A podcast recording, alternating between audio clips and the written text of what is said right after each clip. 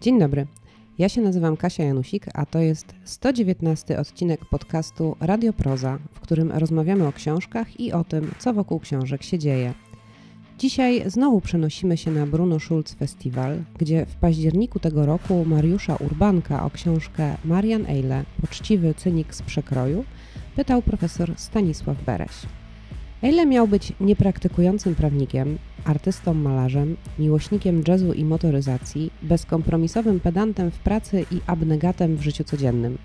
Ponoć też marzył, by stworzyć coś w rodzaju polskiego playboya, a wyszedł mu przekrój.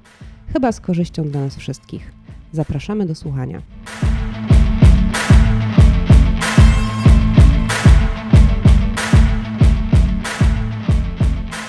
Dobry wieczór Państwu.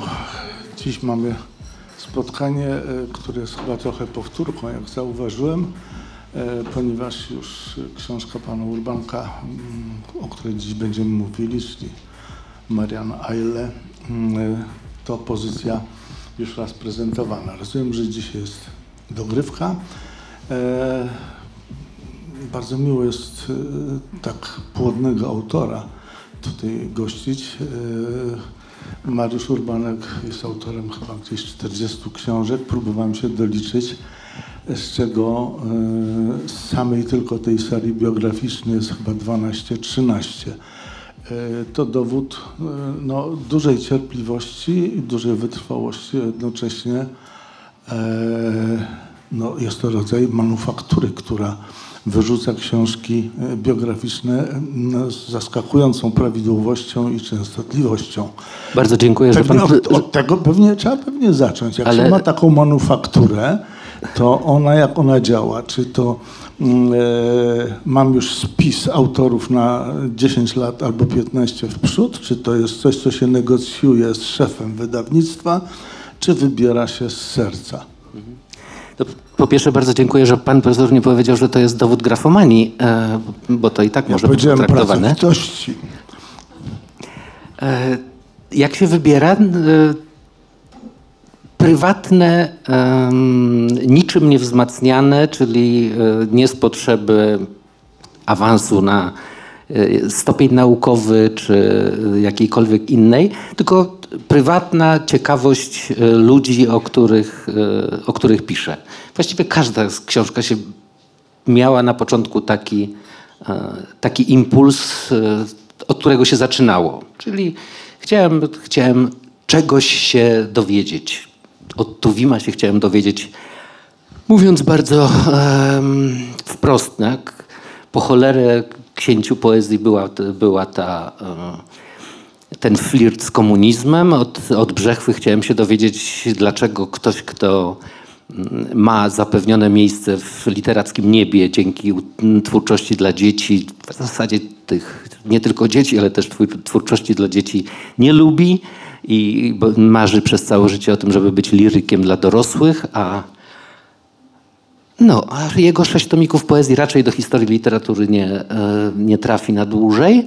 No i tak przy każdym, przy każdym, przy każdej postaci dałoby się taki punkt wskazać.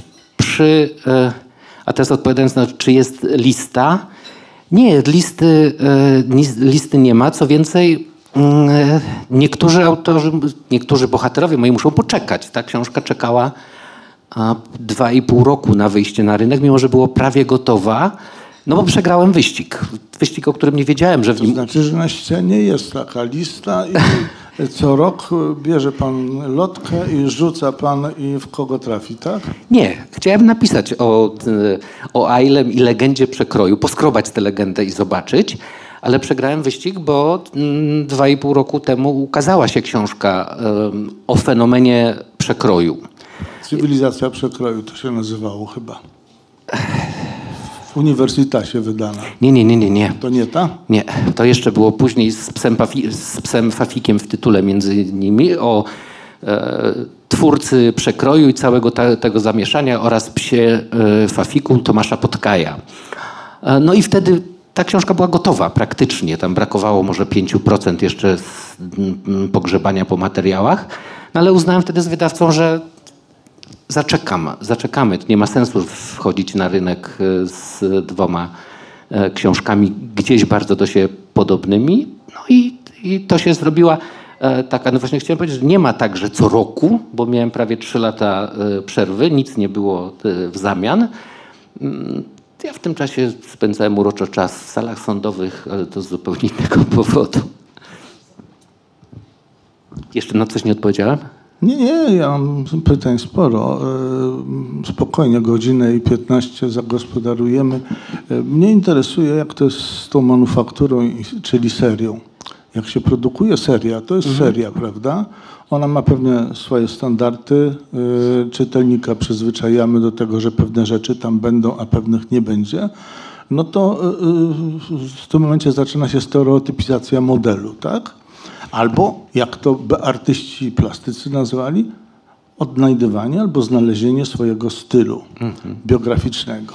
Można to bardziej elegancko, można mniej, ale chodzi w gruncie rzeczy to samo, że wypracujemy warsztat i później ten warsztat nas ciągnie.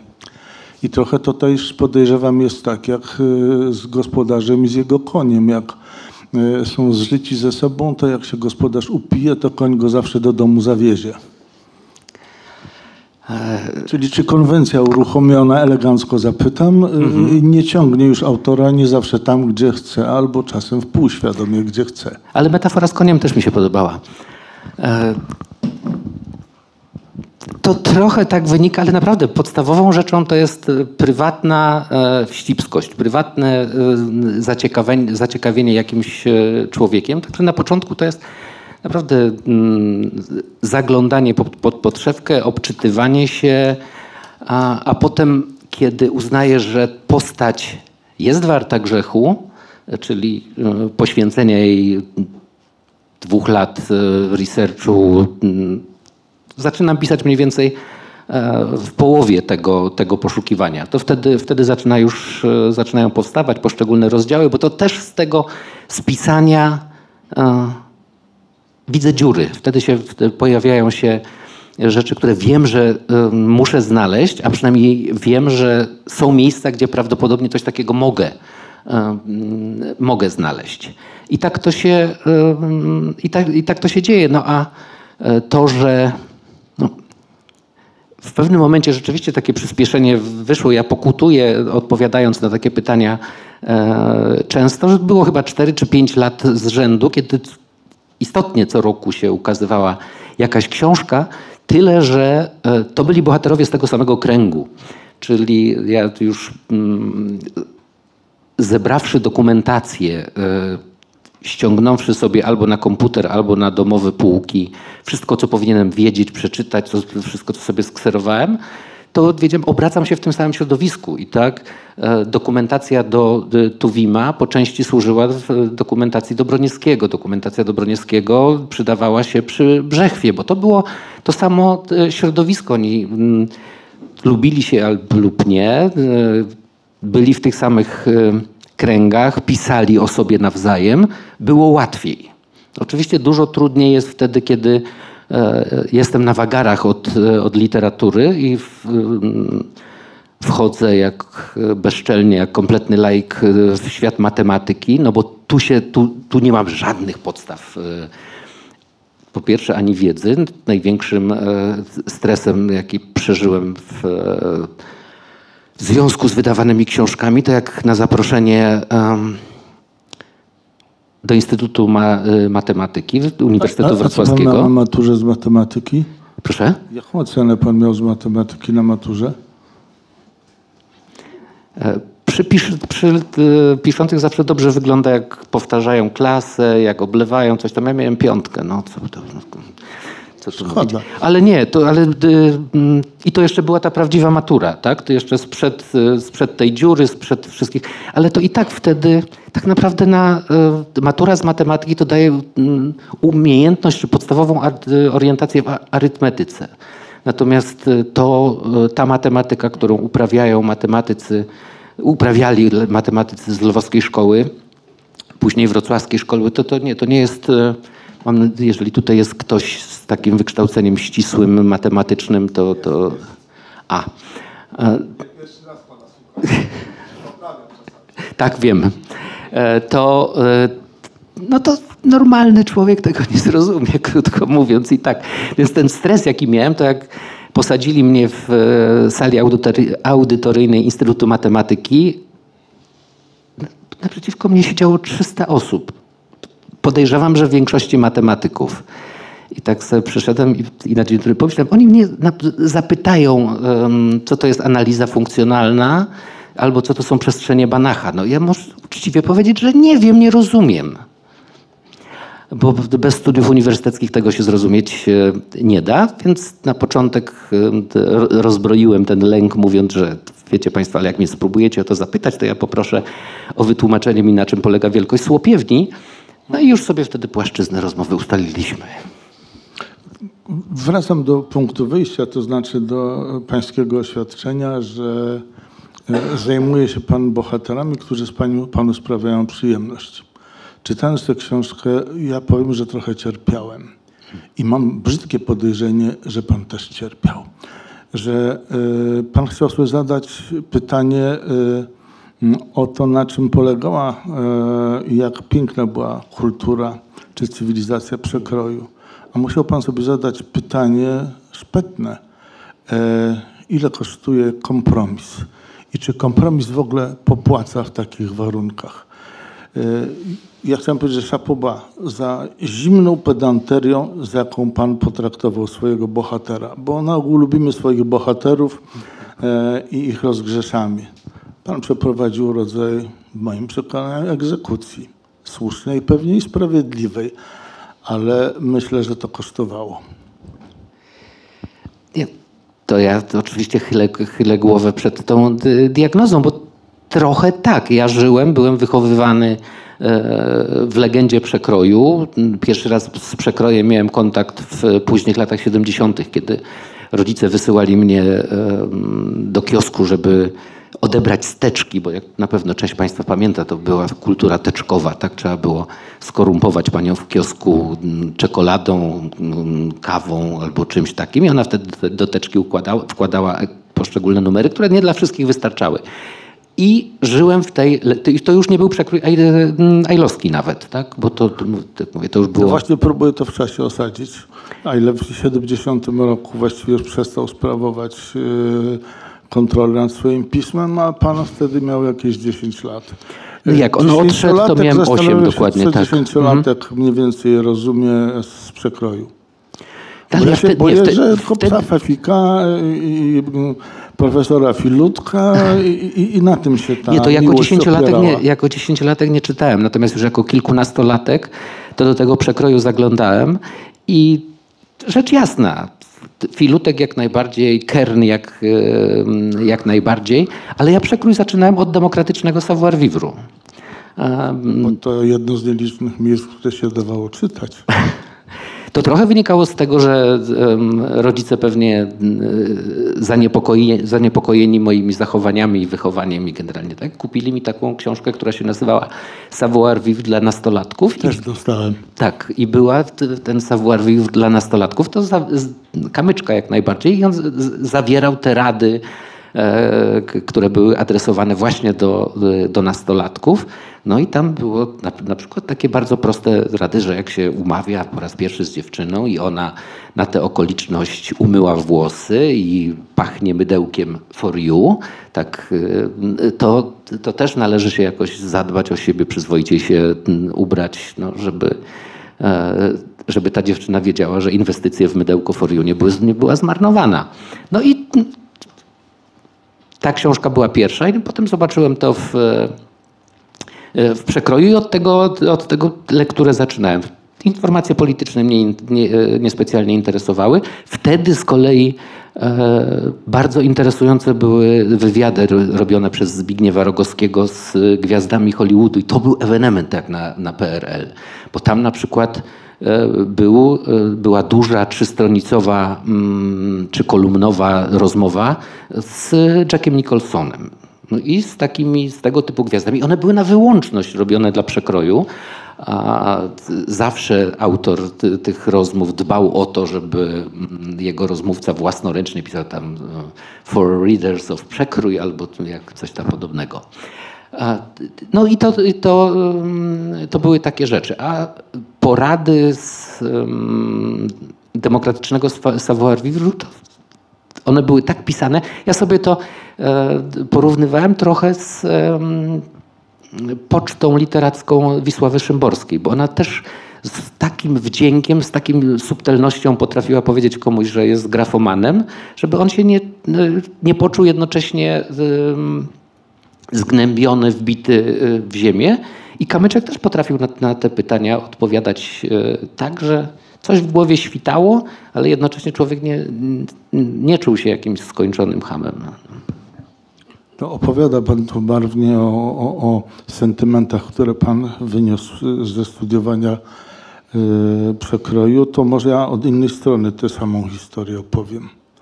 Po wielu latach, gdzieś w połowie lat 90., będąc za granicą we Francji, musiałem przygotować wy, wy, wywiad, wykład multimedialny, a zatem musiałem znaleźć ilustrację a chodziło o znalezienie ilustracji do wykładu o socrealizmie. No i teraz, co ja mam znaleźć, jak jestem, jak mam do dyspozycji tylko bibliotekę małej slawistyki na północy Francji, gdzie właściwie nic nie ma, z czego ja mam uszyć ikonografię do wykładu. No i pamiętam, jak rozpaczliwie szukam i nagle widzę, o, oni kupowali przekroje. I tu muszę panu powiedzieć, to było dla mnie wyjątkowo nieprzyjemne zdarzenie, bo nagle widzę, że to pismo miało bardzo poważny serwis na pierwszych stronach i fotograficzny. Oczywiście pomijając jaka, jaka to była jakość tych fotografii, ale nigdzie innych nie miałem żadnych. Ale to, co musiałem wtedy zacząć czytać, włosy mi się podnosiły na głowie, bo ja to pismo pewnie czytałem tylko na dalszych stronach, a te pierwsze, tak jak pan, pomijałem. No i o tym chciałbym porozmawiać, że no pan stanął wobec tego samego fenomenu. Że nagle, mając piękne wspomnienie i chcąc pisać książkę o wspaniałym przekroju, nagle odkrywa pan zupełnie inny, mało ciekawy i nieapetyczny, a nawet momentami wstrząsający przekrój. I co? Znaczy, trochę wiedziałem, ponieważ e, pisząc, pisząc książkę o Jerzym Waldorfie, który e, pracował w tym ciemnym okresie e, przekroju, no to już się zetknąłem, zetknąłem z tekstami przede wszystkim pisanymi przez, mm, przez Waldorfa, pisanymi przez Kazimierza Koźniewskiego. To te były najbardziej polityczne, najbardziej obrzydliwe, najbardziej um, zaangażowane, anty, wymierzone w podziemie akowskie, wymierzone w kościół, wymierzone E, w emigrację teksty, więc wiedziałem, że to tam jest. Waldorf w, w którymś z późniejszych swoich książek, kiedy już był tym Waldorfem i tym baronem PRL-u i uznał, że może się do tego przyznać i napisał, że pod przymusem, czy pod batem, pod butem Jerzego Borejszy napisał kilka średnio niecnych felietonów. No to Pewnie większość ludzi mu na słowo uwierzyła, że one były średnio niecne, one były obrzydliwe i bardzo, e, bardzo niecne. A e, więc na potrzeby tej książki, kiedy solidnie zasiad, zasiadłem do kolejnych roczników i, e, i przeglądałem, jak to, mm, jak to wygląda, no to oczywiście na tej legendzie pojawiły, pojawiły się nie tylko rysy i pęknięcia, ale to pojawiła się ciemna Y, ciemna strona tej legendy, bo w przekroju było wszystko, czego ten ustrój wymagał, czyli właśnie te rzeczy, czyli ataki na, y, na opozycję, mm, ataki na wrednych y, imperialistów i rewanżystów z Bonn, rysunki o psie łańcuchowym imperializmu, czyli Josypie Brostito, wszystko, co trzeba i z drugiej strony oczywiście absolutnie pochwalne, e, pochwalne mm, peany, panegiryki poświęcone robotnikom ze Związku, e, ze Związku Radzieckiego. No było to, to już ten e, szok już miał szczepionkę po, po Waldorfie, ale przeglądanie tych kolejnych, kolejnych numerów i patrzenie ile tego było, to robiło wrażenie. I wtedy sobie zadałem pytanie następujące. Przecież to jest rok 45, 6. Ludzie w Polsce nie kochają tego narzuconego ustroju. Ludzie wiedzą, co się z tym krajem e, dzieje. Widzą przekrój, widzą w przekroju takie, e, takie teksty, które zohydzają, atakują wartości im bliskie, a jednocześnie nakład przekroju idzie jak korek w górę. E, po, po roku ma ćwierć miliona nakładu, po dwóch latach ma 350 tysięcy nakładu. No więc dlaczego? A, a to pana pociesza? Trybuna Ludu miała milion nakładu, a Trybuna Robotnicza półtora miliona nakładu. Tylko to ludzie kupowali za własne pieniądze. A Trybunę Ludu Trybunę to... Ludu też kupowali za własne pieniądze, jeszcze stali w kolejkach, co ja pamiętam. No to ja nie. To z takich czasów, kiedy byśmy się wstydzili tego. Nie, to, to nie jest kwestia pocieszania czy, czy niepocieszania. To jest kwestia tego, że e, próbowałem odpowiedzieć sobie. Ci ludzie musieli coś w tym przekroju widzieć, że ta legenda nie powstała. To, to nastąpiła poważna weryfikacja w, tak, w tej... Um, wizji, którą, y, którą miałem, czy którą wyniosłem. Że ta legenda nie powstała dzięki, tylko powstała mimo. E, mimo tego, tej części, która była, tam jednak y, nawet w tym czarnym okresie pojawiały się rzeczy, które nie pojawiały się nigdzie indziej. Nie pojawiały się w Kuźnicy, nie pojawiały się w Odrodzeniu, nie pojawiały się w tych pismach o ambicjach intelektualnych, a jednocześnie e, ortodoksyjnie, ortodoksyjnie marksistowskich. Tego tam nie było, więc e, ludzie mając jedno i drugie chyba wiedzieli. Nie mam kogo zapytać, bo e, e, moi rodzice chyba też zaczęli dopiero później czytać ten, ten przekrój. Czy rzeczywiście było tak, że to pokolenie, które czytało w latach 40., na początku lat 50., czyli w tym e, okresie stalinowskim e, przekrój, czy oni byli świadomi, że to jest danina, którą trzeba zapłacić? I nie ma wyjścia.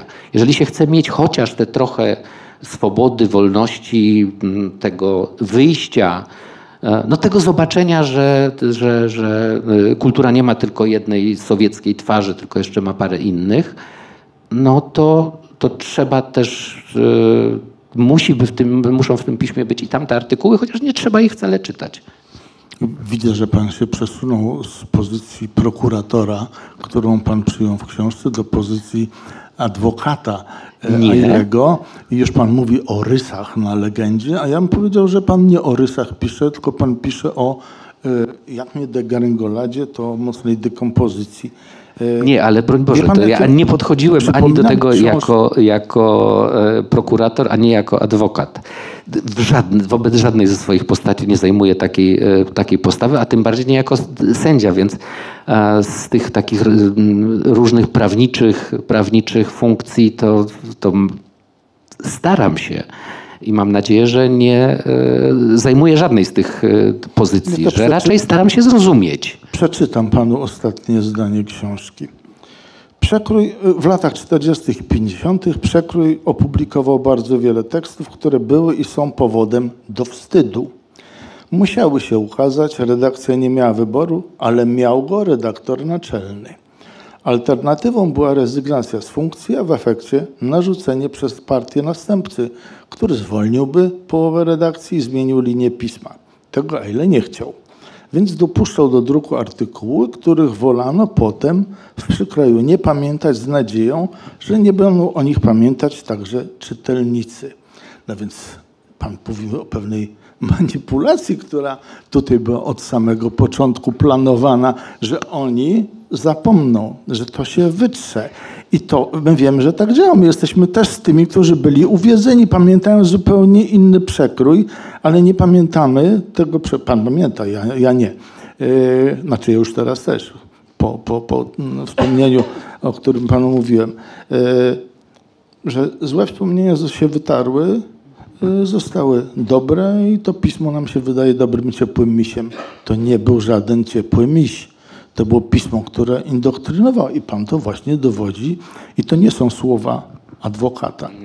Ale ja tutaj, e, nic innego przed chwilą nie powiedziałem. To być może to tam w, cytacie z książki trochę zręczniej było napisane, bo, bo no mi- pan mówi, że, że, ja lepiej że, piszę że niż to mówię. jest nieoceniające. Przecież pan mówi wyraźnie tutaj, to a ile wziął odpowiedzialność moralną za to? Nie musiał. No przecież w tym samym czasie no my mamy przypadek Turowicza, tak? który w pewnym momencie mówi non possumus, tak? A w pana książce mamy zdjęcia Stalina na y, okładce y, przekroju, Y, czyli tego nie zrobił. A zatem wybrał zupełnie inną strategię, zupełnie inną postawę. No i trochę o tym mówimy, panie Mariuszu. Ale zgoda. Tylko to jest myślenie trochę, wydaje mi się jednak ahistoryczne. Mam nadzieję, że pan się nie obrazi.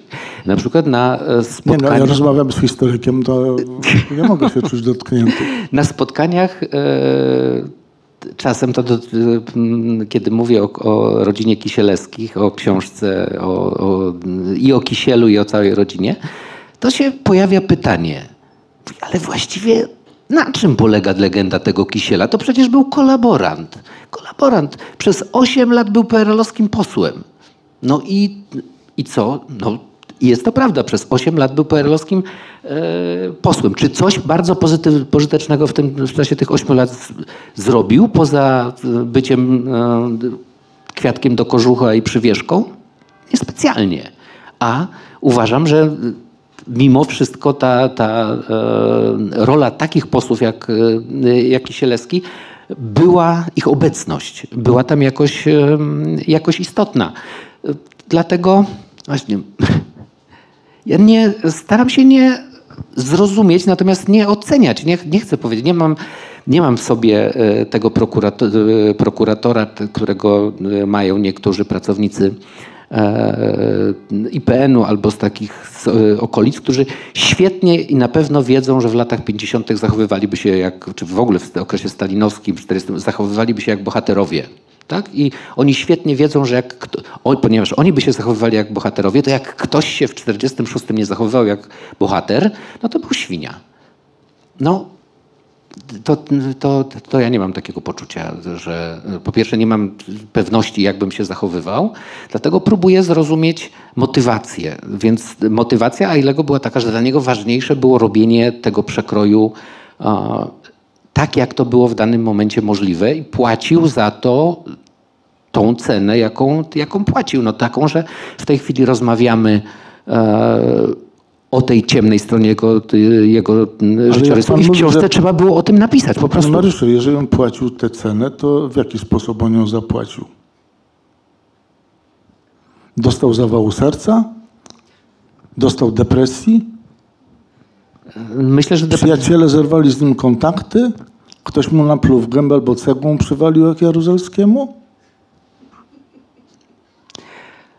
A dopuszcza pan taką możliwość, że em, no, to jest klasyczne wybieranie. Że, że, że on w głębi duszy, pan wie, że on w głębi duszy cierpiał i heroicznie jak Walenrod toczył walkę o te mm, pół miliona, ja nie wierzę w te pół miliona, 250 tysięcy jest pewnie bardziej realne czytelników. Nakładu? Ja, ja nie wiem, jak Nie. wy badacze to liczycie, ale jak liczycie, że każda rodzina to od razu pięć osób czytało, to chyba nie jest prawda, ale nie spierajmy się No o tak, liczbę. to, tak to praso, prasoznawcy przeliczają, zwłaszcza biorąc pod uwagę no nawet to, co było w czasach, kiedy mm, y, pamiętam, że ten y, nadział, y, przepraszam za słowo, przekroju na, na kioski na moje miasteczko był mniejszy niż, niż liczba tych teczek, które były w kioskach y, założone.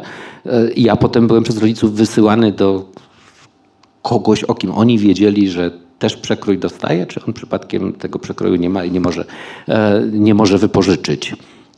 Panie Mariuszu, ale wróćmy ze sfery e, liczb do sfery sumienia. No, pan powiedział, że zapłacił albo płacił. To ja pytam, jak płacił? Potrzebowalibyśmy psychologa teraz tutaj. Jak płacił? Tym, że do pewnego momentu był w stanie godzić się na te kompromisy, moment, kiedy mówimy non possumus, albo moment, kiedy mówimy dość, jest różny dla różnych ludzi. I to nie musimy sięgać do czasów stalinowskich, to widać też także, e, także e, dzisiaj. E, Turowicz powiedział to w 1953, kiedy nie zgodził się na publikację zdjęcia Stalina na okładce. Dla Ailego to był rok 60, 68, kiedy uznał, że dłużej już nie może widocznie no, no, inny próg e, tego, e, tego momentu, kiedy się mówi już więcej nie. A wie pan, co sobie myślę w takim momencie, że to jest ten moment, kiedy jest to próg zagrożenia osobistego. E, po przejściach wojennych, prawda, kiedy był zagrożony ustawami norymberskimi, powrót tego demona działały towarzystwa patriotyczne, Grunwald i tak dalej. E, było jasne, na co się zanosi, co z tego będzie, a ile po prostu się przestraszył o samego siebie. Wcześniej jakoś nic go nie przeraziło to, że będzie musiał zapłacić cenę. Przecież również ja myślę, że on płacił cenę, znaczy nie wiem, czy on ją zapłacił, bo to było pytanie, no, choćby za swoich współpracowników. Przecież y, on nie podpisywał tych najpaskudniejszych artykułów swoim nazwiskiem. To podpisywali inni.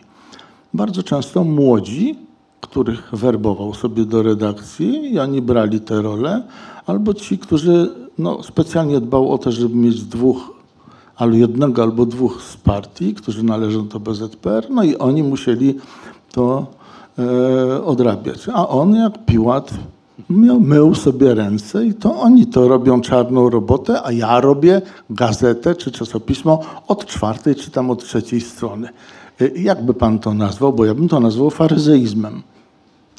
Znaczy, no, tam był jeszcze ten e, zbiorowy pseudonim, pod którym e, e, rozmaici autorzy pisali te, te brzydkie, brzydkie teksty, które musiały się ukazać, a nie wypadało ich podpisać. Ja to nazwa, nazywam sobie i, i, nazywam tak to w książce jako spłacanie obowiązkowej e, daniny.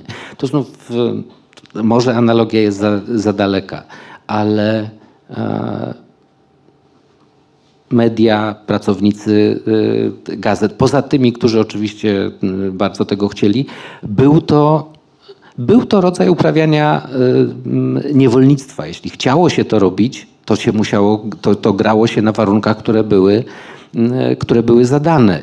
I on na tych warunkach grał. Czy zagrożenie, mm, czy zagrożenie życia?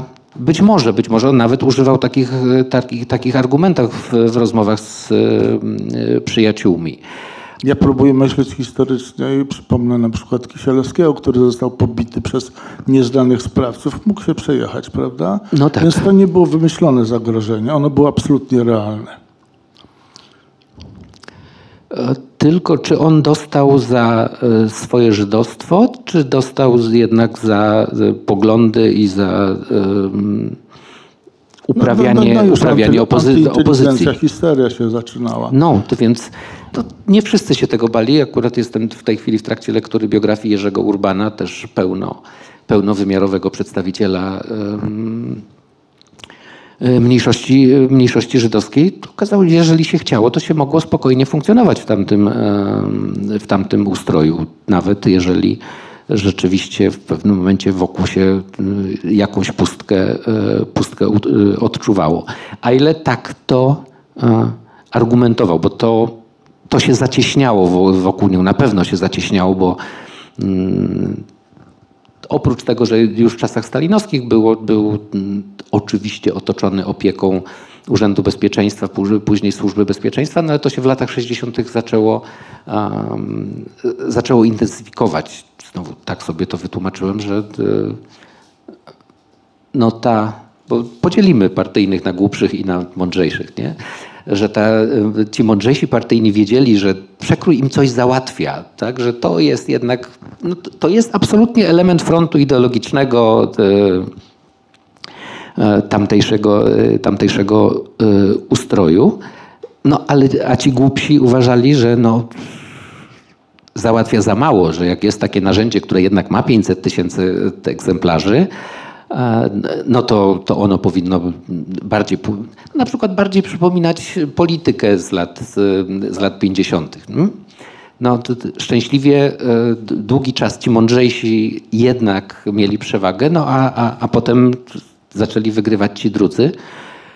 E, I z tego rzeczywiście mogła wyniknąć, mogło wyniknąć e, większe poczucie zagrożenia. To wtedy, to wtedy mamy te cytaty, czy te relacje współpracowników e, Ailego, kiedy on mówi, że e, redaguje właściwie gazetkę więzienną, że to rozmowa z tymi urzędnikami od prasy z Wydziału, z Wydziału Prasy Komitetu Centralnego, no to to jest rozmowa jak z koniem. No, wcześniej dawało się z partyjnymi rozmawiać, potem przestało się dawać e, rozmawiać. No i tu zaczął docierać do tej, e, do tej ściany.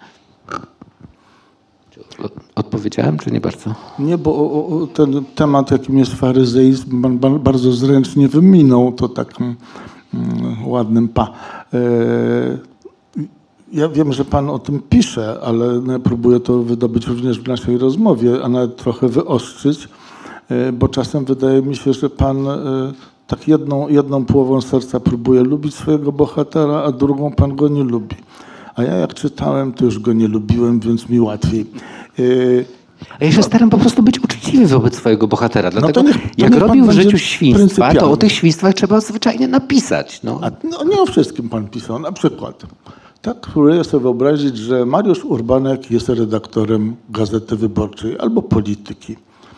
I y, Mariusz Urbanek y, zatrudnia na etacie w swoim czasopiśmie y, czy swojej gazecie Mencena, Grzegorza Brauna, y, y, Bosaka y, i całą tą ekipę. To samo zrobił pański bohater. Zatrudnił Waldorfa, no i zatrudnił drugiego działacza, prawda, prawicy, jakim był Gałczyński. No wie pan, tu mam dwóch partyjnych zatrudnionych, którzy mi gwarantują, że się partia nie przyczepi, a tu mam z drugiej strony jeszcze y, młodzież wszechpolską. Y, No ja bym powiedział, że zatrudniłby pan, panie Mariuszu? Grzesia Brauna i Mencena? Dzisiaj czy w 45? No wówczas. Wówczas z ich poglądami dzisiejszymi to są podobne poglądy. Nie, to wejdziemy w ocenianie poglądów Jerzego, Jerzego Waldorfa i na ile em, jego książka o, o faszyzmie włoskim była em, dowodem jego. no, Był antysemitą, nie ulega wątpliwości, tak. E, Jego jakiegoś, jakiejś sympatii do, do, do nazizmu i do tego wszystkiego, co się później, em, później stało. To Zatrudnił go, bo ręczył za niego Jerzy, Kisiel, e, Jerzy Kisielski, Boże, za, ręczył za niego Stefan mm, Kisielewski. Stefan Kisielewski, który przecież też nie był z lewicy specjalnie em, przedwojennej. Ale Też mi argument, kumpel za, zalecał zatrudnienie kumpla. No. To też do pana przyjdzie kumpel i powie, że zatrudni nie kumpluje się Mencena. z Grzegorzem Braunem ani z Ale przyjdzie Mencenem. kolega na przykład, jego szwagier i powie, zatrudni go. No też nie mam takich e, mm, wspólnych. Nie, no więc odpowiadając wprost, tak? Znaczy po pierwsze to nikt by mnie nie zrobił naczelnym, dzięki Bogu, a po drugie nie zatrudniłbym Ale swojemu kogoś, kogoś takiego, ponieważ co jest jeszcze bardzo istotne, miałbym dzisiaj ogromny wybór. Mógłbym sobie zatrudnić e, panią Hannę Gil-Piątek, panią Scheuring-Wielgus, mógłbym sobie zatrudnić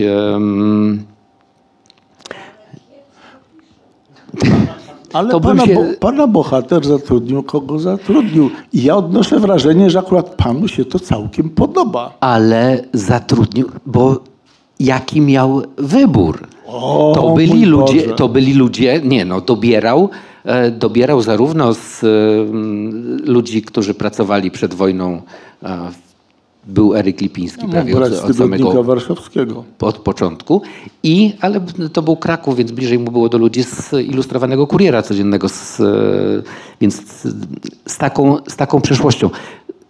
Byli, e, to to cięcie, ta cezura 45 roku nie była e, cezurą taką, że e, nagle wszyscy mieli, którzy byli na rynku i których można było zatrudnić, którzy e, mogli wypełniać, przecież nie tylko polityką, stronice gazety, to byli wszyscy wyłącznie z czystą kartą. Wszyscy same świeżynki i same nówki z, dużym, z dużymi kompetencjami no, dziennikarskimi. Taka minówka, o, o, o. Ale nie, trzeba było brać z tych, którzy byli na rynku, bo oni po, po pierwsze akurat mieli... prosto z mostu brać, akurat świetny pomysł.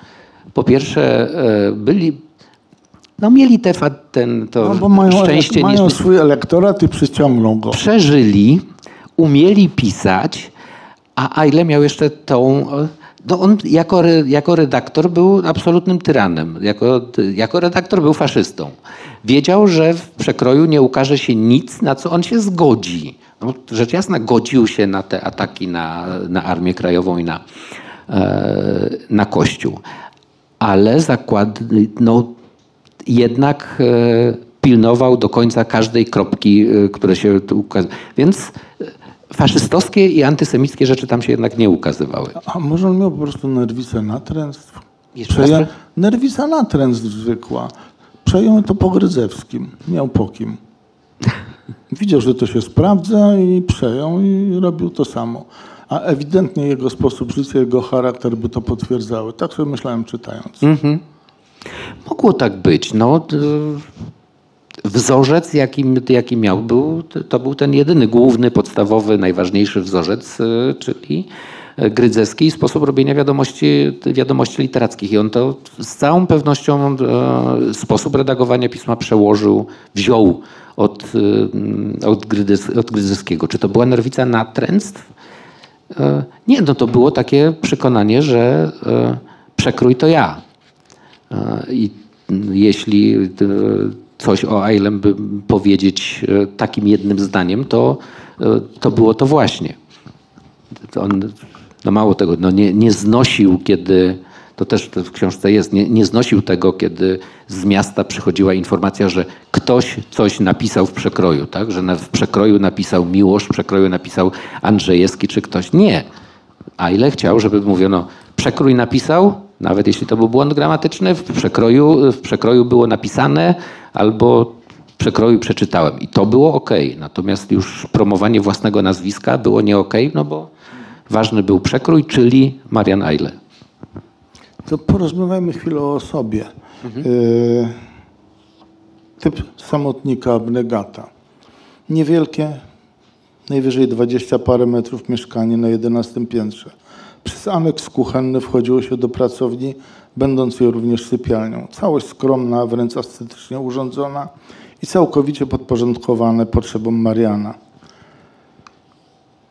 A więc przede wszystkim bardzo duży stół kreślarski, kanapa służąca jako łóżko, półka z książkami i szafka, na której stał adapter. Mieszkał tam sam. Żona, ta oficjalna, z którą nigdy się nie rozwiódł, została w mieszkaniu na Małej. A nieoficjalna, czyli Janka i Pochorska, mieszkała u siebie. Yy, można powiedzieć asceta. Abnegat. Abnegat, ale jednocześnie znalazłem u pana charakterystyczne zdanie – miał specyficzny sposób odżywiania się. Obiady przynosił mu kelner z którejś z okolicznych restauracji. No powiedziałbym, że to pańskie obyczaje, a nie abnegata. No i co z taką osobowością mamy zrobić? No kelner te, te, obiady przynosił mu pewnie mm, najpierw do redakcji, a potem rzeczywiście tam, no bo ja nie wiem, czy on nie był tym klasycznym gatunkiem mężczyzny, który nawet jak herbatę robi, to wodę przypali. E, bo ta, e, ta historia o tym, jak e, napił się terpentyny z, z kieliszka, bo wydawało mu się, że ma tam nalewkę z wiśni, no to by świadczyło o tym, że... Że nie dowidział i miał kiepskie to, powonienie. To pewnie też, ale na nielicznych zdjęciach Ailego, zwłaszcza już po zakończeniu pracy w przekroju, widać to, widzimy to, to potwierdzenie tego wszystkiego, e, o czym pan, pan, przeczytał. Czyli nie ma właściwie zdjęcia, na którym, a ile nie ma wypalonych od, w koszuli dziur po, po papierosie. No, z, tego, mm, z tych okresów przekrojowych to, to, to są już opowieści ale powtarzające się systematycznie w e, relacjach o tych no, przydeptanych e, butach, które i tak, mimo że były wygodne i przydeptane, to i tak zamieniał na kapcie, kiedy tylko przychodził do... Za to go lubię, bo przypomina mi Odena w takim momencie, który nagrodę od Krajskiego odbierał też w kapciach. E, ktoś mi powiedział, chyba Mieczysław Czuma, że, też, że w, w, Krakowie e, są właściwie trzy ważne, e, trzy, w tamtym czasie były trzy ważne funkcje. No to był arcybiskup krakowski, to był rektor Uniwersytetu Jagiellońskiego i redaktor przekroju. No i bardzo cierpiano w Krakowie, że ten redaktor przekroju no wygląda, wygląda jak kloszard czasami. Więc oni go nie lubili za to. Kazie, z tej części wygląda taki ciepły miś, co nam się, i panu się podoba. Yy, no, te pańskie maniery, gdzie kelner z nim lata i przynosi mu to obiady, to mniej nam się podoba, ale do tego portretu chcę jeszcze jeden cytat dołączyć. Nie udziela się nigdzie, żeby przypadkiem nie powiedzieć czegoś za dużo, co mogłoby mu zaszkodzić publicznie nie wypije nawet kieliszka wódki, żeby komuś nie przyszło do głowy, że to lubi. Samochody kupuje zawsze w tym samym kolorze, żeby wszyscy myśleli, że ciągle to samo auto. Doskonale wie, w jakim świecie, na jakim świecie żyje i nigdy się nie wychyla. Dzięki temu trwa, choć kilka razy był na wylocie. No i ma, gdzie trzeba przyjaciół, którzy go chronią. No ja powiedziałbym, że teraz to już ten portret się przechyla w kierunku portretu no, modelowego konformisty, człowieka salamandry.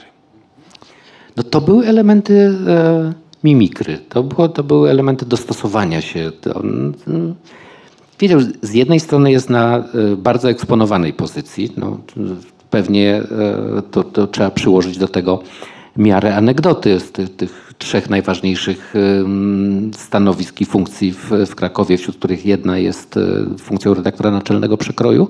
No ale e, przekrój był jednak wtedy jakimś wyznacznikiem, tak jak się dzisiaj ładnie mówi, trendsetterem, wyznacznikiem, wyznacznikiem e, tego, co się Znów nie, w, nie według kryteriów e, uniwersyteckich, tylko według takich przeciętnej, przeciętnej, aspirującej, wstępującej inteligencji. Więc był wyznacznikiem tego, co trzeba przeczytać, co trzeba wiedzieć, co, co, co trzeba rozumieć. Więc z jednej strony było, e, było to, i z drugiej strony wiedział, no bo nie było dla niego tajemnicą to, że to jest łakome stanowisko.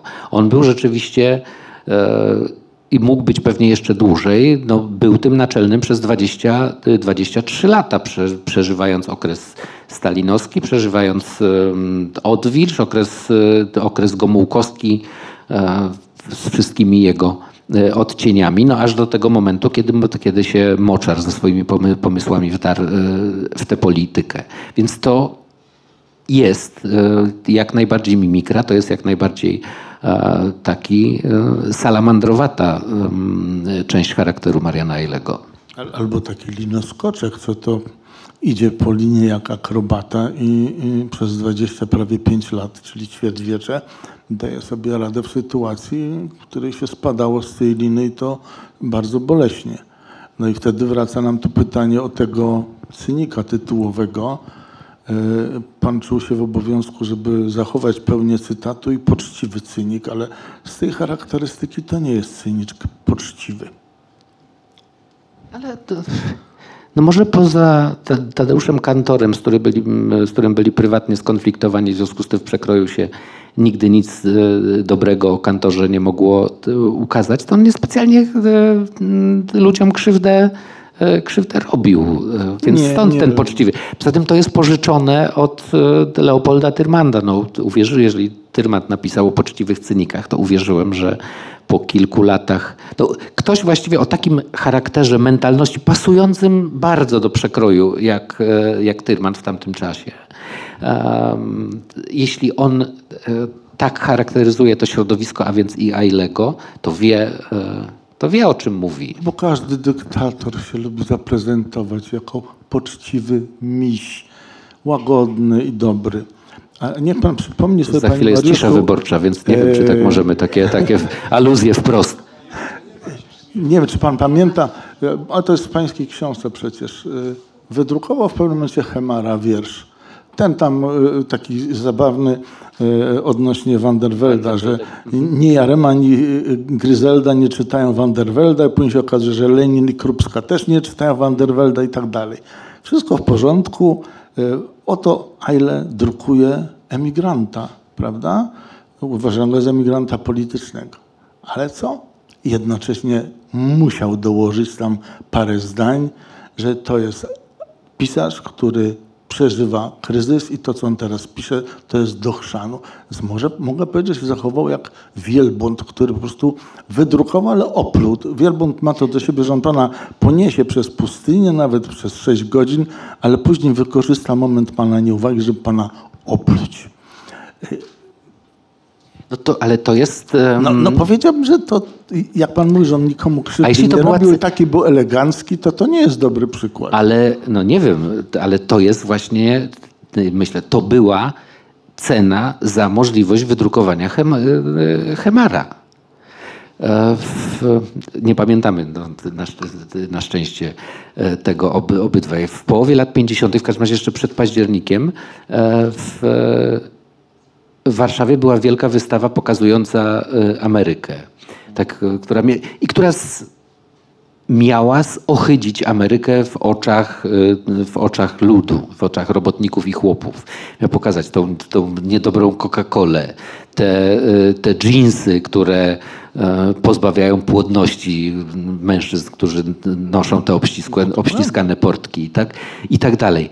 I cała Warszawa waliła, żeby tą wystawę zobaczyć i zachwycić się y, tą, e, ty, tym wszystkim, co jest w, w Ameryce. Nie wiem, e, czy ci, którzy tak naprawdę byli, e, stali za pomysłem tej wystawy, robili tą wystawę, czy dla nich nie było właśnie pokazanie tego, oswojenie tego, tego diabła, czy zidentyfikowanie tego, tego UFO e, amerykańskiego, no ale za cenę komentarza. Zobaczcie, jakie to jest brzydkie, fatalne.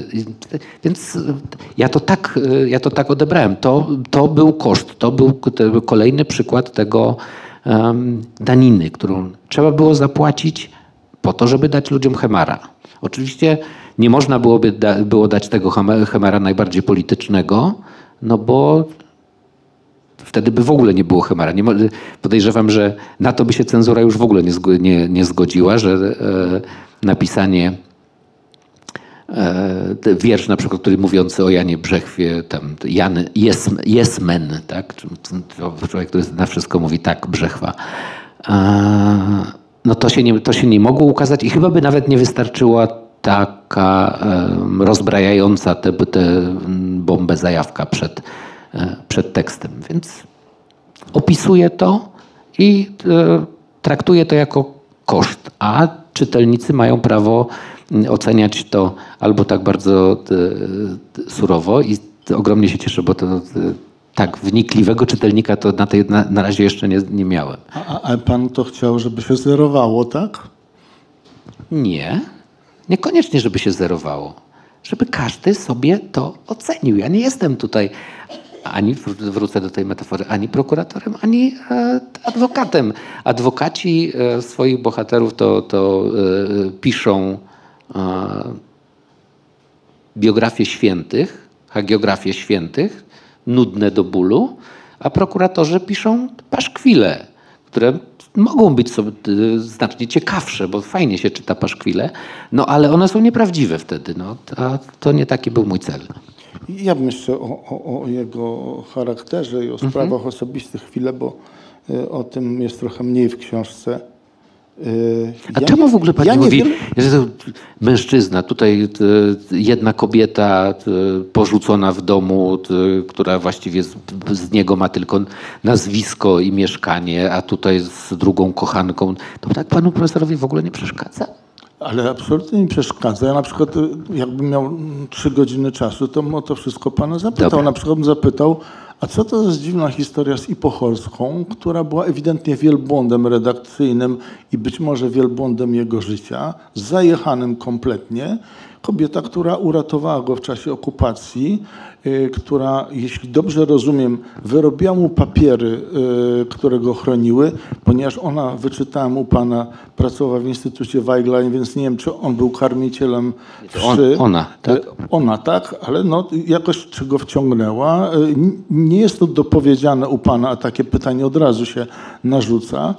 I, i on z tą kobietą, która była w nim bez wątpienia zakochana śmiertelnie, on się z nią nie żeni, żeni się z inną kobietą. A później żyje właściwie tak między jedną a drugą. E, ja powiedziałbym, że jestem po stronie Pochorskiej, która była ważną osobą w redakcji. E, może równie ważną jak, jak sam Eile. E, I została po prostu stratowana przez niego. Nie, tu ma pan absolutnie rację. Ja też, też zgadzam się z tym, że prawdziwy facet powinien, powinien to załatwić w taki sposób, być może e, bolesny, ale, ale jednak e, oczyszczający na przyszłość. Tak? A, a on ciągnął tę ciągnął tę sy- sytuację do końca, do końca życia.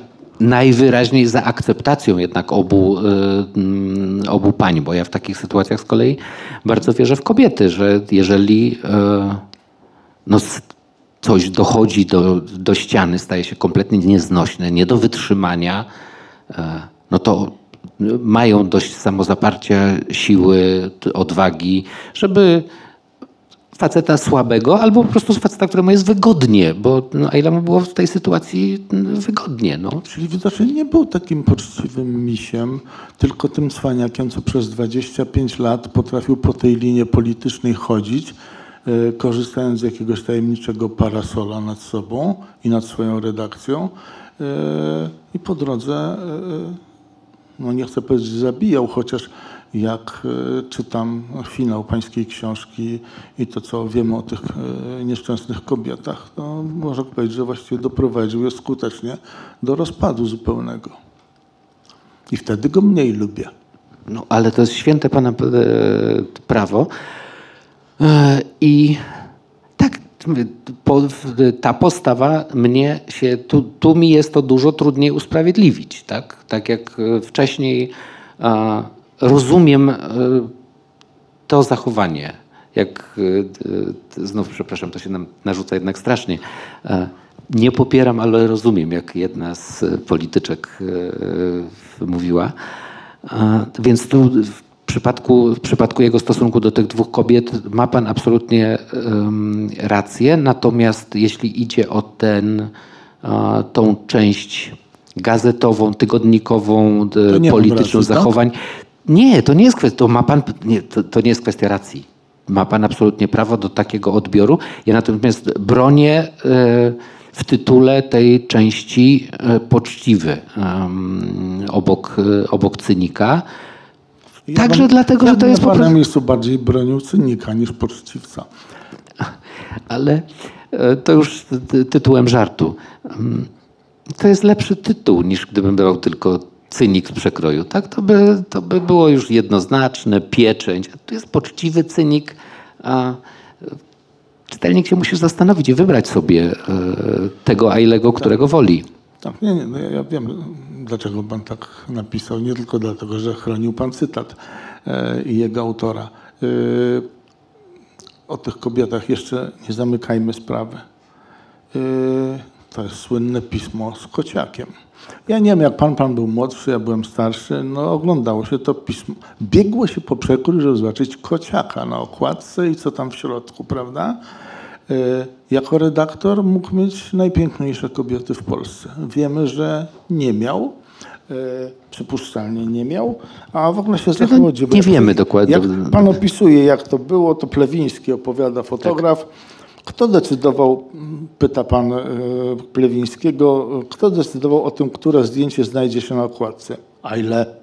Przynosiłem 4, 5, czasem 8 propozycji okładki, fotografii na okładce, w zależności od tego, ile się dało z modelki wycisnąć, przebierając ją, przeczesując, zmieniając tło, oświetlenie. On przyglądał się, grymasił, a potem zawsze wybierał najgorsze zdjęcie. A kiedy rozmawiałem z innymi fotografami, mówili to samo. Odrzucał zdjęcia, które uważał, uważali za najlepsze i brał coś, co im się nie podobało.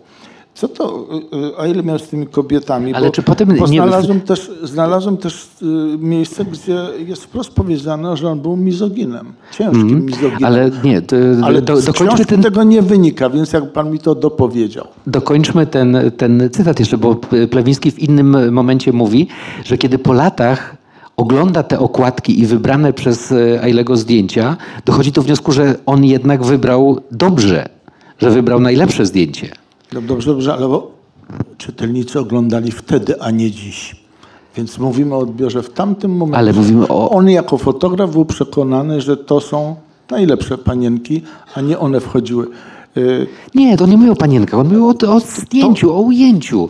Pan, e, pan też pewnie, e, ach, no, też pewnie. Panie Mariuszu, Na to- pewno do- pan do- pracował z pytania, kamerzystami, z fotografami i wie pan, że pan wiedział, jak ma jakieś ujęcie albo zdjęcie wyglądać dużo lepiej niż oni to panu robili. Pan po prostu wiedział, oni nie umieli na to odpowiedzieć i myślę, że to był ten sam problem z, e, z Ale to nie odpowiada na pytanie, czy Już. był ciężkim mizoginem. Był, moim zdaniem był. To widać najbardziej po e, myślach e, psa Fafika, bo po, pod, pod e, postacią psa Fafika i pod postacią tam Kreci Pataczkówny i tych innych e, e, innych bohaterów, którzy pojawiali się w rubryce e, Myśli Ludzi Wielkich i Psa Fafika, to, to, to krył się e, Marian, e, Marian, Marian Eile i tam e, było mnóstwo żartów, które e, no, dzisiaj mniej, ale jeszcze pięć lat temu pojawiały się w dowcipach o blondynkach. To był, to, to był ten, ten poziom, poziom żartu. W, jego, w rysunkach też e, bardzo ten, zwłaszcza w tych, które już były w latach 70., kiedy już nie był w przekroju, a mm, e, miał własną stronę z całości w e, tygodniku Szpilki. Mm, I tam były e, rozmawiające między sobą pary, gdzie było mm, zwykle jedna i druga płeć była ośmieszona, ale to byli zblazowani faceci i głupiutkie dziewczyny. To, to, to tak to. Zblazowanie mimo wszystko to chyba jest bardziej fotogeniczne niż głupota. No. Ponieważ e, chciałbym, żeby jeszcze Państwo mieli szansę na jakieś pytania, y, y, ja zadam swoje ostatnie, wracając do miejsca, w którym przerwaliśmy. Ono jest ważne. I też sporo chyba mi mówi, a Panu pewnie też, e, o, o postawie e, i moralnej, i jakby politycznej Ailego. To ten moment, kiedy on półemigruje, tak by to należało nazwać, tak? Y, Uznaje, że e, dalej się nie da. I można powiedzieć, że on czmycha. To nie jest tak, że on rzuca Tak. e, stołek redaktorski, e, zachowuje się jak Turowicz i mówi nie, ja w czymś takim nie będę robił, tylko zaczyna uprawiać w moim przekonaniu bardzo dziwną grę. Pan jej nie nazywa po imieniu pewnie z delikatności, a chciałbym, żebyśmy tę delikatność pominęli. On po prostu kręci. Jest już w Paryżu, y, pracuje dla y, Paris Soir, o ile pamiętam. Y, zarabia 2,5 tysiąca franków, to po prostu jest nędza. Wiadomo, ile mieszkanie w Paryżu najtańsze kosztowało wówczas. On po prostu był w ciężkiej nędzy. I prowadzi grę, kiedy spotyka się z ubekami, kiedy spotyka się z e, konsulem, wiadomo, że to są rozmowy ustawione i że to są przedstawiciele aparatu, na tyle był doświadczony, że wiedział, co to są za rozmowy, którzy go testują, czy on wraca, czy nie, jakie ma kontakty w środowisku, ewidentnie chcą od niego informacji.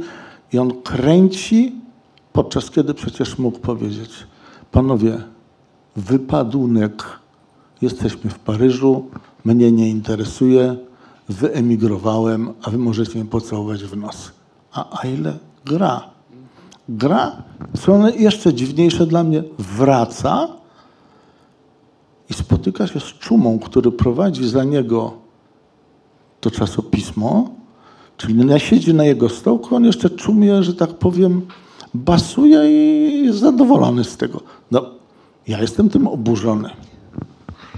To idąc od końca, no raczej nie, e, nie basuje i nie wiem, czy jest zadowolony z tym, bo Czuma mówi jednak, że w ogóle o przekroju nie rozmawiali. tak? Że Ja ani... trochę pogrubiam, panie No, że ani, no to więc to jest na użytek, na, na, na użytek naszych słuchaczy, że e, e, Czuma miał na tyle taktu, żeby nie pytać Ailego, czy mu się podoba to ukradzione, powiedzmy, No, ale to- e, pismo, ale spotykają się, tak, przyjął zaproszenie potem na, e, z okazji, nie wiem, chyba 2000 numeru, nie, 2,5 tysiąca, no, chyba na, na jubileusz 2,5 tysięcznego numeru przekroju. Gdzie go nawet nie wymienili. Ale był, karykatura w przekroju jego była. Było, bo to akurat się w e, Trzech Króli ten numer przekroju się mm, pojawił, czy jak się dzisiaj znowu mówi, Sześciu Króli e, i, i, i trzy karykatury. mm, Ailego, Czumy i redaktora Kiety, czyli Ma Kiety, jak tam e, mówiono, opublikowano w przekroju. Mm, Więc spotykał się z nim chyba... e,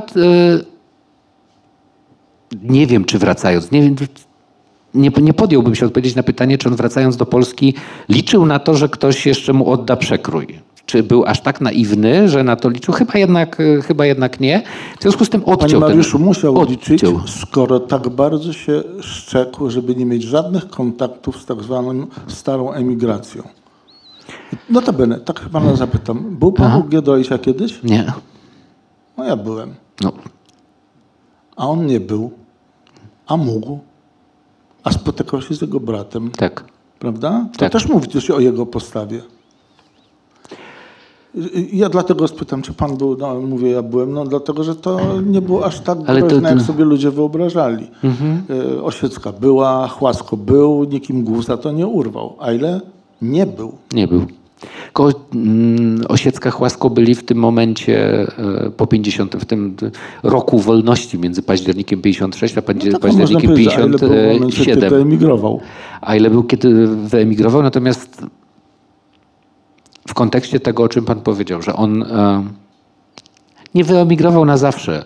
To też, ja też e, to widziałem, to zresztą po, powinno być w książce napisane, e, mam nadzieję, że on wrócił ostatniego dnia upływu ważności paszportu, tak? Więc to, to, to też był taki element prowadzenia. Nie stać go było na tego typu gesty jak Tyrmanda czy Mrożka, czyli rezygnacja z obywatelstwa albo zdecydowane potępienie inwazji wojsk Układu Warszawskiego na, e, na Czechosłowację. Nie, tutaj kompletnie e, Ailego w tym nie było. No, rysował sobie te, te e, psy fafiki. I znów musimy e, spróbować e, wejść w jego buty i e, szaty i zastanowić się, czy rację ma Stefan Kisielewski, który pisał, że no, to, że Aile wrócił było najzupełniej oczywiste, bo on nie wyobrażał sobie mimo wszystko życia bez Polski. Nie mógł żyć. Bez przekroju tak, ale bez Polski nie. Że on wolał być e, Żydem w Polsce niż e, Polakiem e, na emigracji w Paryżu. I mimo tego, i dlatego po tych dwóch latach nieobecności ym, wrócił. No czy, więc czy to jest jedna prawda? No czy prawda jest tak, czy, czy bardziej może prawdziwe jest to, że... taka, że jakby dostał etat w Le Monde, to by mu został. No nie wiem, to właśnie ja takich rzeczy nie wiem. I tak, Albo w La de France Inter, albo France Culture. myśl, To dostawałby inne pieniądze. inne, pi- no być może, no ale ja tego nie wiem. No, e, gdybym coś takiego napisał, to byłbym wobec e, i czytelników, i, e, i swojej postaci po prostu nieuczciwy, no bo, bo to byłoby już e, mm, zgadywanie czy też pisanie jakiejś, jakiejś historii alternatywnej, wymyślanie, co mogłoby być. Tak, to prywatnie się bawię w takie, w takie układanki i, i czasem myślę o ludziach gorzej niż bym o nich napisał, ale no nie napisałbym tego o, o Ailem, bo nie wiem, czy, czy by przyjął ten etat. A jeśli by przyjął, to czy rzeczywiście to byłoby już takie zatrzaśnięcie drzwi i nagły przypływ odwagi i po prostu by poleciał już po całości. Ten komunizm to ustrój niewolniczy. Ale i tak udało się panu go dobrze obsmarować, a ja panu bardzo pomogłem dzisiaj. Pan E, bardzo, tak. Zostało jeszcze parę minut. Myślę, że ze dwa pytania, a może i trzy się zmieszczą. Proszę bardzo. Zastanawiam się, że gdyby a ile postąpił tak jak Turowicz i tego przykroju by nie było, to co dalej? Ja zaczęłam czytać y, przekrój w drugiej połowie lat 60. i pomijałam teksty, które po prostu mnie interesowały z różnych względów. Po uświadomieniu politycznym to tam e, jakimś zdecydowanym trudno mówić, ale to było dla mnie coś szczególnego. Ten przekrój było bardzo trudno zdobyć. Ja miałam znajomą kios- kioskarkę. Soboty były pracujące. Miałam tylko jedno popołudnie w tygodniu wolne i czytanie przekroju to było święto. To było coś szczególnego. Wydaje mi się, że w tej dyskusji, zresztą pan e, Bereś tutaj podpuszcza u pana bezlitośnie, e, Ale to jest cała przyjemność rozmowy z panem profesorem. Za mało było mowy, co on dla nas robi, przeciętnego czytelnika. Ja byłam w liceum, no i jak mówię, no, te drzwi się uchylały. To było coś naprawdę wartościowego. Poza tym, mój Boże, no, był taki i taki, jak każdy z nas. Płacił daninę, bo nie miał wyjścia. Pan wielokrotnie o tym mówił. A co miał właściwie zrobić innego? Zrezygnować z przekroju? Ja się na to nie zgadzam. Teoretycznie się nie zgadzam. Jak ten przekrój mógł nie istnieć po prostu? To była wartość. Mniejsza, większa, nie byłam intelektualistką. Tak jak pan, pan profesor nie jestem, ale pamiętam i pamiętam, że to było coś wyjątkowego w tej naszej szarej, okropnej, gomułkowskiej rzeczywistości, gdzie ja się dusiłam. Było uchylenie drzwi. Dziękuję. No, takie, I to jest do pana, ja mam wolne teraz. Nie, to jest na pewno do Pana pytanie, bo ja w tej sprawie mam absolutną jasność. E, Turowicz rzucił i co się stało? Odzyskał pismo. Bo miał charakter, potrafił to zrobić i się nie bał. A ile ewidentnie się bał i uważał, że jego stołek redaktorski albo y, wielkie powodzenie tego pisma zatem jego jest ważniejsze. Sądzę, że on wybrał siebie, a nie wybrał zasady. Ja bym tak odpowiedział, ale ja myślę, że to pan Mariusz jest ekspertem, a ja tylko jestem czytelnikiem jego książki.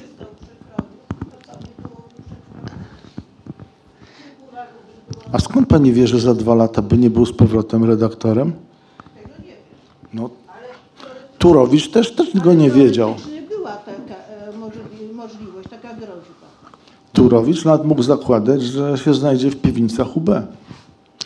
No tak, ale e, biografia jest o tym, co się wydarzyło, a nie o tym, co mogło się wy, em, wydarzyć, więc e, no, o wszystkim nie mogliśmy e, mówić, ale no, to, o czym pani powiedziała, to jest, to jest jakby argument na obronę m, mojej tezy, że sukces i legenda e, przekroju były zbudowane mimo, a nie dlatego, że.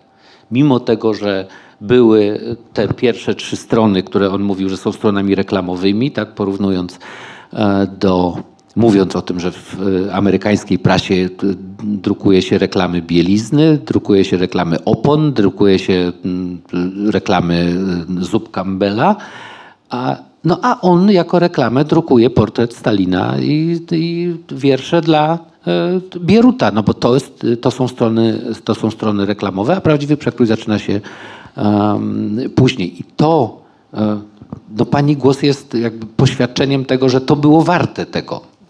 Tak, tak, i dlatego- i dlatego e, legendarny redaktor Giedroyć powiedział, przekrój to jest pismo ze słabą reputacją moralną. Czyli fajnie, że było, ale cena Ale była była- też wysoka. Była możliwość wyboru. Nikt mnie nie zmuszał do czytania czegoś, co, co y, nie odpowiadało mi. Ale tak, pan profesor Tylko powinien, niech, tylko powinien jednak... zrozumie, że ja też jestem zadowolony, że przekrój był. Byłem też jego czytelnikiem. Co najwyżej mogę mieć dwie pretensje, że byłem czytelnikiem głupim, który w tamtych latach nie widział. Dopiero po latach zobaczył i dostał jak kijem w głowę. Ale e, teraz e, zajmę, zajmę pozycję Giedroycia. Szanowny panie, wiem, wyrwał, 56 rok, wiem, wyrwał pan moje słowa z kontekstu. E, w innym momencie powiedziałem, że, że to jest, radziłem e, Gombrowiczowi, żeby zainteresował się przekrojem i dał im swoje teksty do druku, bo to jest bardzo interesujące pismo, które ma bardzo dobry odbiór, zwłaszcza wśród młodych ludzi w Polsce. Żadnego zdania Giedroyć nie wypowiadał bez głębokiej asercji. Czyli był przekonany w momencie, kiedy to mówił, że to pismo reputacji moralnej nie posiada. Być może później miało lepszą, y, na pewno miało później lepszą, prawda? Lata stalinowskie były okropne, straszne. Tak. I wtedy cenę się płaciło okropną. Nawet jak to była cena, nie wiem, przemilczeń, y, y, no to na przykład jak się przemilczało śmierć Imre Nodzia, y, to był gruby grzech. Te grzechy wszystkie są na sumieniu Ailego niestety, nie jego zespołu, jego osobiście. Więc mm, druga opinia y, Giedroycia nie przekreśla pierwszej, tylko to one, jedna i druga jest umiejs- y, jakoś umiejscowiona w, w czasie i te, te rzeczy, za które Aile odpowiada, to one, y, to za nie odpowiada. Ja się bardzo cieszę, że e, one w książce są, bo gorzej by mi było dużo, gdyby nagle Nie pan, no, dzięki temu się gdyby pan mnie zapytał, a dlaczego czegoś tam, tam nie ma. Tego się zawsze najbardziej boję, szczerze mówiąc, kiedy, e, z, zwłaszcza jeśli chodzi o czarne, ciemne strony moich bohaterów. Czy ktoś mnie nie zapyta, a dlaczego pan nie napisał o takim wierszu Tuwima albo o takim wierszu Broniewskiego? Co, no jakby to, to, ten też mnie się zapytał na przykład, dlaczego e, jak e, w tej książce nie znajduje nic o związku pomiędzy e, mm, e, inteligencją żydowską przedwojenną e, jako tła do przekroju i tego, co się dzieje potem. E, Bo to jest ewidentne przeniesienie. E, a ile był współpracownikiem i to bliskim Gryzewskiego, prawda? To wiadomości literackie. Zepsuł w dużym stopniu pisarzy pochodzenia żydowskiego. Z tego środowiska.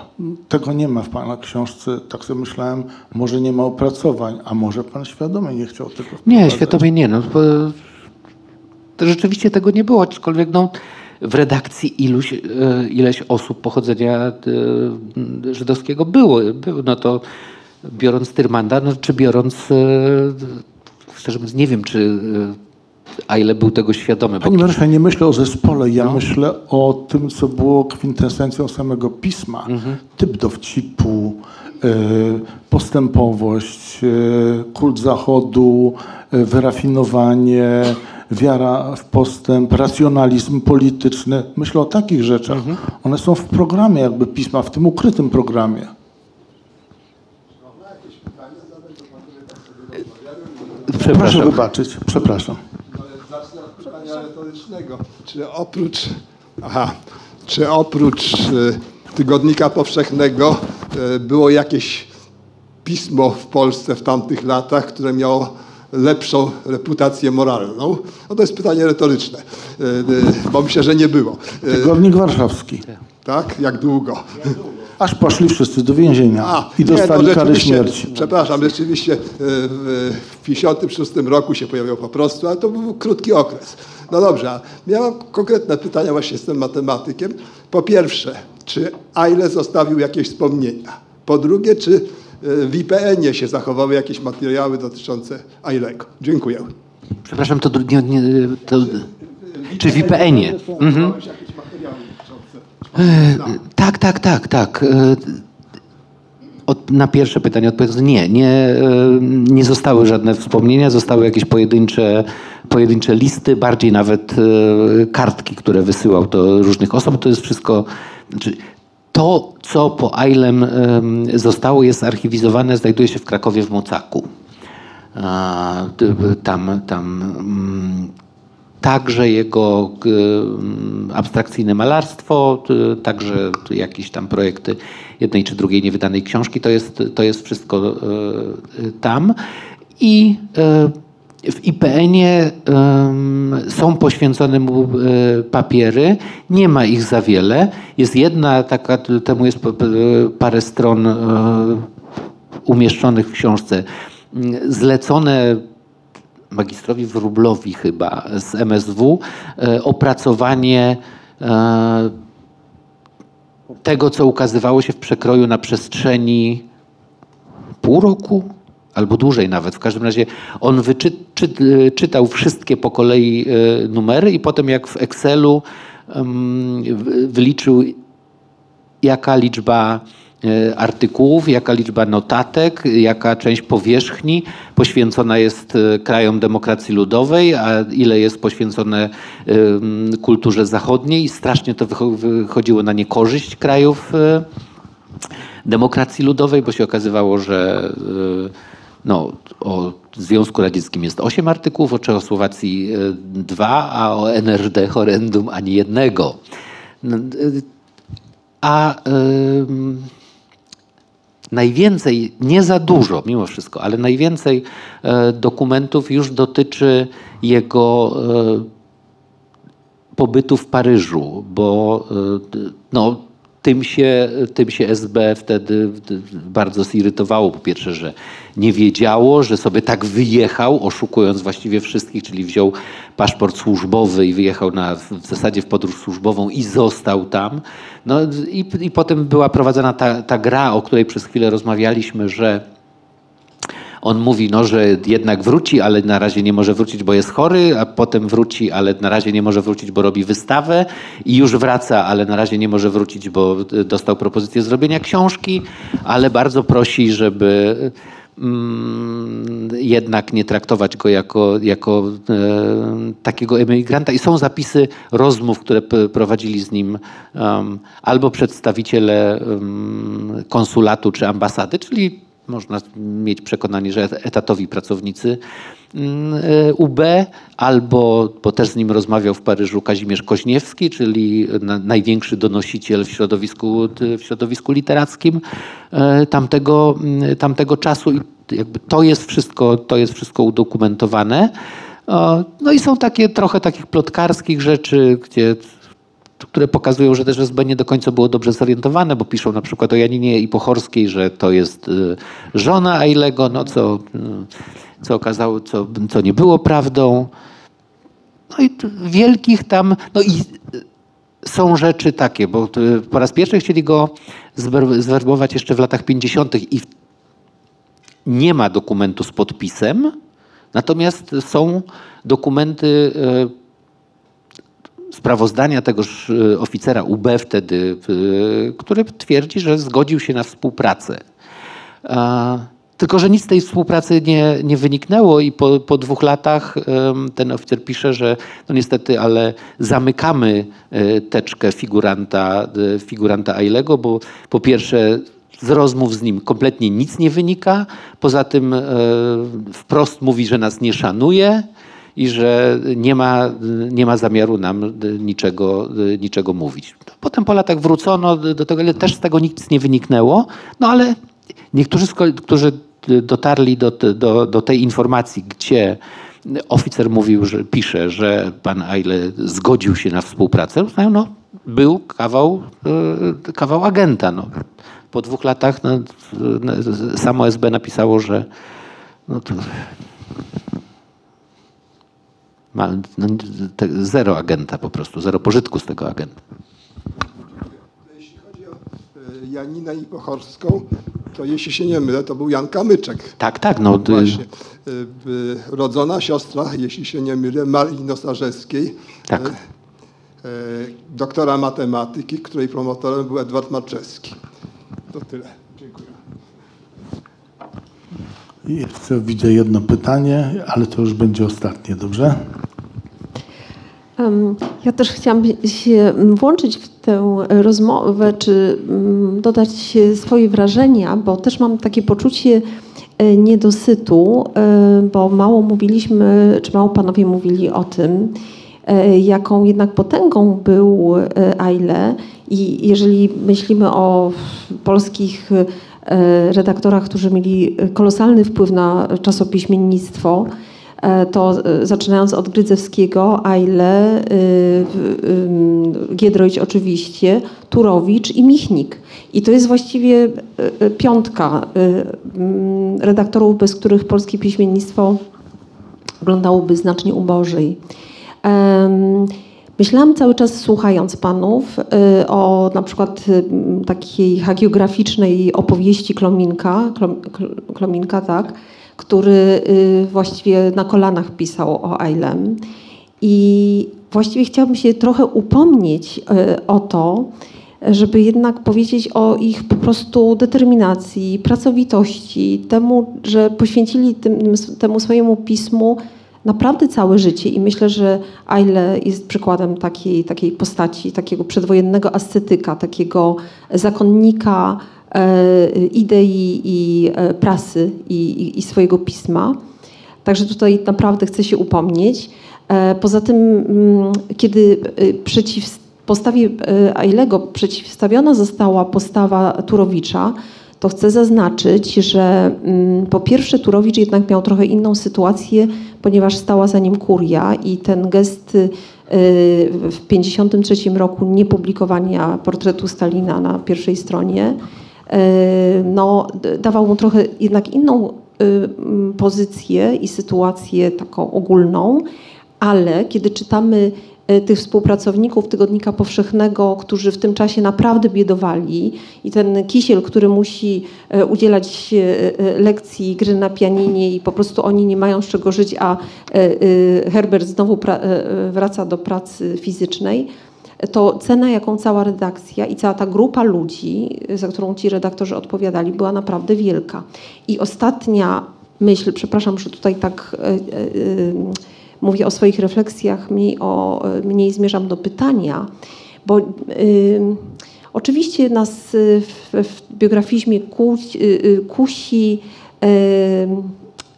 sensacja i jakiś, jakaś skaza na naszym bohaterze, to pewnie dotyczy wszystkich. Jeżeli byśmy zapytali o wspaniałego Turowicza, to ja dzisiaj myślę sobie, dlaczego kiedy czytam książkę Overbecka, o sytuacji i pedofilii w kościele, to zastanawiam się, czy do redaktora Turowicza takie informacje w latach 80.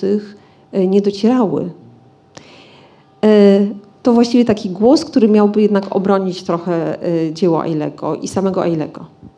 Bardzo dziękuję. Piękniej bym tego nie powiedział, pani profesor. A ja bym tylko do tego dodał, że o żadnym wsparciu kurii w 1953 roku nie można mówić, bo to jest czas, kiedy są wyroki śmierci na mm, księży biskupi, a Wyszyński siedzi internowany i nie wiadomo, czy go też nie zabiją. O takim wsparciu to chyba nie myślałaś. wsparcie musiało być wcześniej, przed 1953. No tak, ale nie było ono w żaden sposób realne. Ono mogło być tylko, że tak powiem, pewnym pełnomocnictwem moralnym, duchowym, prawda? Tylko o takim można mówić. A ile ale to mało, to, to mało? To, to dużo, ale no. a ile też mógł mieć takie? Dlaczego nie mógł mieć? Od kurii? Nie, od kurii nie, bo on się od kurii odcinał. No. A nawet był z tego dumny. Ale to od kogo miałby, miałby na to wsparcie liczyć wtedy? Nie od... A w moralność laicką pan nie wierzy? Nie, wierzę. Pytam o um, właściwie wsparcie instytucjonalne. No, no każdy wsparcie... ma jakieś wzorce moralne, a ile też mógł mieć swoje. No. O wsparcie instytucjonalne. Kto, kto miałby... Panie Mariuszu, e... jakby on był świętym Franciszkiem, to by książki nie było. No, oczywiście, że tak. To, to, to generalnie e, kochamy naszych bohaterów za to, że mają w życiu zakręty i zawirowania, a nie, nie że są tacy liniowi.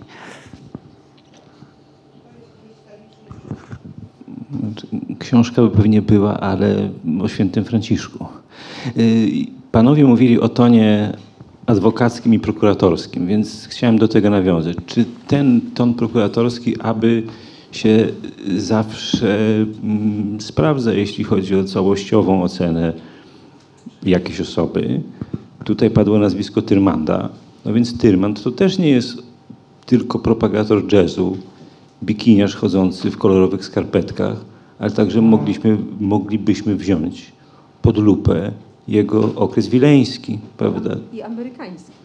No, mnie bardziej interesuje ten wileński, prawda, i publikowanie w komsomolskiej prawdzie, tak? Więc też jest pytanie, czy warto do tego wracać, czy nie warto? W jaki sposób Tyrman starał się ekskulpować, mówiąc, że on tam się zajmował tylko y, rubryką kulturalną, a w ogóle to było tak dla hecy, prawda, tak? No, więc y, podobne kryteria stosując y, oskarżycielskie można by tutaj też jakąś wiwisekcję Tyrmanda zrobić. Druga rzecz. Pan profesor nie tylko poznał y, Giedroycia, ale także publikował w kulturze, więc doskonale pan wie, że to pismo było pozbawione debitu komunikacyjnego w Polsce. Prawda? W, e, prezes Głównego Urzędu Kontroli Prasy, Publikacji i Widowisk wydawał takie zarządzenia, gdzie właśnie informowano, że takie, takie, takie czasopismo w Polsce nie może być bądź kolportowane, bądź i o ile było, to zostało debitu komunikacyjnego pozbawione. Jest pytanie, czy y, historia y, Tygodnika Warszawskiego nie jest odpowiedzią na to, czy w ogóle jakiekolwiek pismo można byłoby wydawać bez jakiejś koncesji. Bo mogę powiedzieć tak samo, że różne gazety wychodzące z PRL-u też y, selektywnie yy, czytano. Przykład. Yy, świat przygód czy świat młodych.